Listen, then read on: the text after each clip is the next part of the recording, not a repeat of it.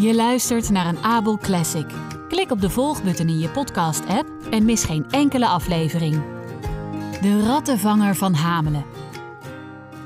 Lang geleden was er in het plaatsje Hamelen een heuse rattenplaag gekomen.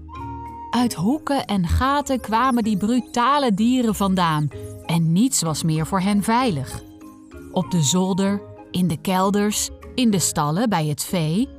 Ja, zelfs aten ze de worsten en de hammen die in de schoorsteen hingen om gerookt te worden op. De mensen wisten zich geen raad. Zelfs de burgemeester en de slimste mensen uit de stad wisten niet hoe ze hier vanaf moesten komen.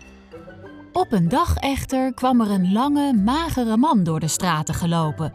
Hij had een groen pak aan en een groen hoedje op met een lange rode veer. In zijn gordel stak een kleine fluit. Ik beloof jullie dat ik alle muizen en ratten weg zal drijven, zei de vreemde man.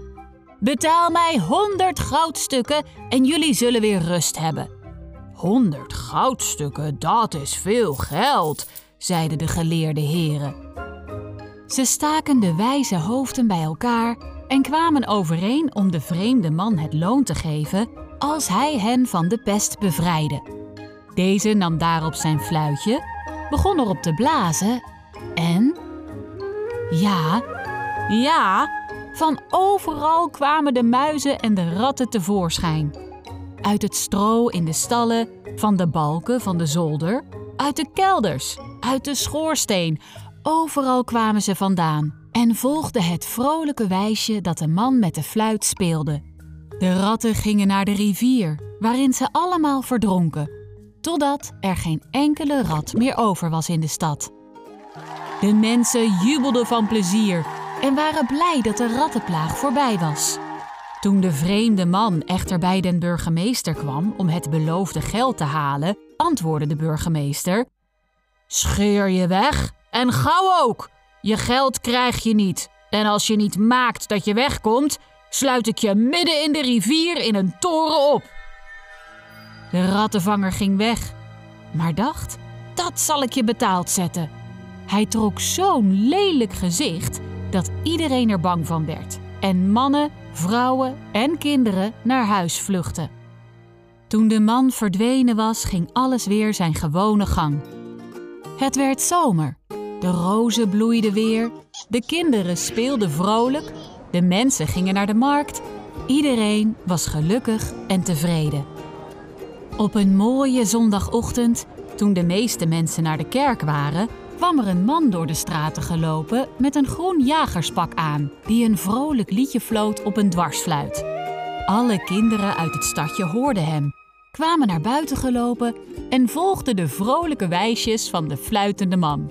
Al verder en verder gingen ze met hem mee, de poorten van de stad uit, totdat ze aan een grote berg kwamen. Deze opende zich plotseling, zodat alle kinderen tegelijk verdwenen en nooit meer terug zijn gekomen. Eén klein ventje echter keerde terug, omdat hij te laat was gekomen. Hij had zijn zondagse pakje nog niet aan toen de fluitende man door de straat ging en was daardoor niet meegelopen.